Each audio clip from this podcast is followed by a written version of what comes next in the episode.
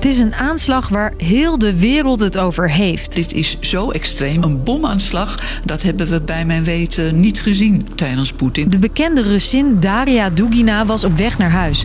Maar thuis kwam ze dus niet. Van haar auto was bijna niks meer over. Haar bekende vader, Alexander Dugin, zat in een andere auto en overleefde de aanslag. Misschien was hij het doelwit, hè? de vader. Want hij zou in de auto stappen, zeiden ze bij zijn dochter. Maar is op het laatste moment heeft hij gekozen om in de auto achter haar te stappen. Wie zijn deze Daria en Alexander Dugin? En wat heeft deze aanslag te maken met de oorlog in Oekraïne? Ik ben Chrisje en ik leg het je uit. Lang verhaal kort. Een podcast van NOS op 3 en 3FM.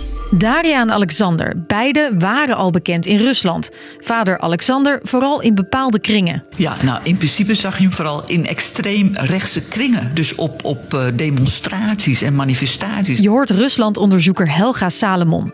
En die extreemrechtse mening van Dugin kon je ook al horen bij zijn eigen mediabedrijven. Je zag hem vooral wederom op zijn eigen kanalen, in zijn eigen groepjes. Hoewel die toch wel bekend was, omdat hij al 30 jaar roept uh, om een groot Rusland en een herstel van het Russische imperium. En de appel valt niet ver van de boom, want zijn dochter, Daria, deelde dezelfde mening. Ze hield zich mee bezig met het steunen van haar vader. He, dus met het uh, verspreiden van zijn gedachtegoed. En zij wordt ook wel journalist genoemd. Nou ja, dat is heel betwijfelachtig. Vaak was ze te zien op de online kanalen van haar vader.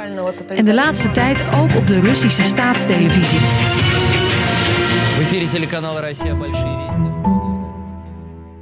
Beide staan dus bekend om hun uitspraken en gedachtegoed. De kern daarvan, volgens Rusland-expert Helga. Rusland moet weer een Russisch imperium worden. En het liefst willen ze dan ook nog dat het, het, het Westen verzwakt. Oftewel, Rusland moet groter en groter worden.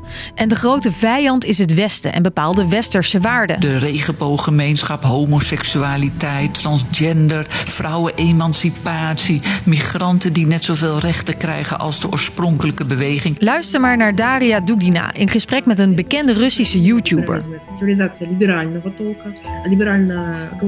Ze heeft het hier over het Westen als nazi-samenleving met een cancel- en woke-cultuur. Rusland moet volgens hen dus een groot imperium worden en er is geen plek voor bepaalde westerse waarden.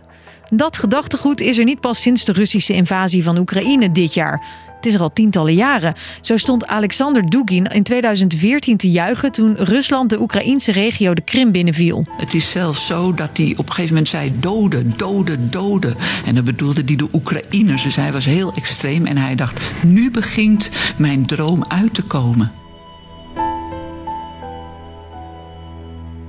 Klinkt misschien als een ideale vriend van Poetin. En dat is ook iets wat je veel hoort. Dat Dugin zelfs het brein achter Poetins beleid zou zijn. Alexander Dugin is a Russian political philosopher who's been called the Putin whisperer. Russian President Putin's brain. The kind of intellectual father of Vladimir Putin's foreign policy. And he's really influential in shaping Russian policy at the highest level. Toch zit Dugin niet op één lijn met de president, zegt Helga. Hij vindt het eigenlijk, net als veel andere extreemrechtse figuren, dat uh, Poetin en zijn, uh, zijn bewind niet goed genoeg optreden. Ze treden niet streng genoeg op. Ze moeten er overheen walsen. En dat lukt nog niet. Dus hij vindt het niet ver genoeg gaan. Want hoewel Poetin, zeker aan het begin van de oorlog, wel stevige teksten riep. Gaat hij lang niet ver genoeg, zegt Dugin. Hij dreigt met kernwapens, maar hij doet het niet. En Dugin zegt, je moet verder gaan. Die gaat druk uitoefenen, die extreemrechtse beweging. Je bent slap, je moet verder gaan. En dat is natuurlijk een, een gevaarlijke positie voor Poetin. Dat wil hij natuurlijk niet horen. Want als Poetin echt zo ver zou gaan als Dugin wil... en bijvoorbeeld kernwapens gebruikt... dan zou het volgens Helga wel eens een wereldoorlog kunnen worden. En dat lijkt Poetin ook niet te willen.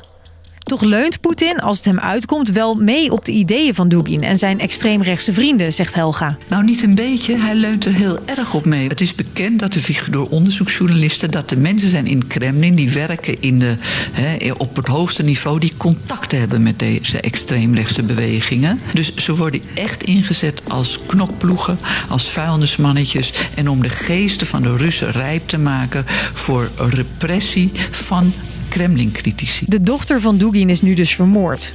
Het is nog niet helemaal duidelijk vanuit welke hoek de aanslag komt.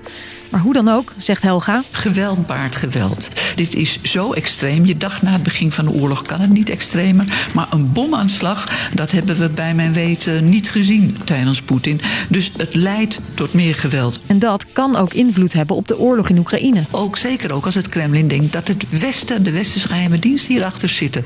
Dus het zorgt op alle fronten inderdaad voor meer spanning. Dus, lang verhaal kort. Daria Dugina is vermoord. Zij is de dochter van Alexander, een bekende en belangrijke Rus die bekend staat om zijn rechtsextremistische gedachtegoed. Rusland moet volgens hem groter worden en er mag geen ruimte zijn voor westerse waarden als homoseksualiteit en vrouwenemancipatie. Wie er precies achter de aanslag zit, dat is nog niet helemaal duidelijk. Dat was hem voor vandaag. Morgen dan zijn we er weer rond 5 uur. Tot dan.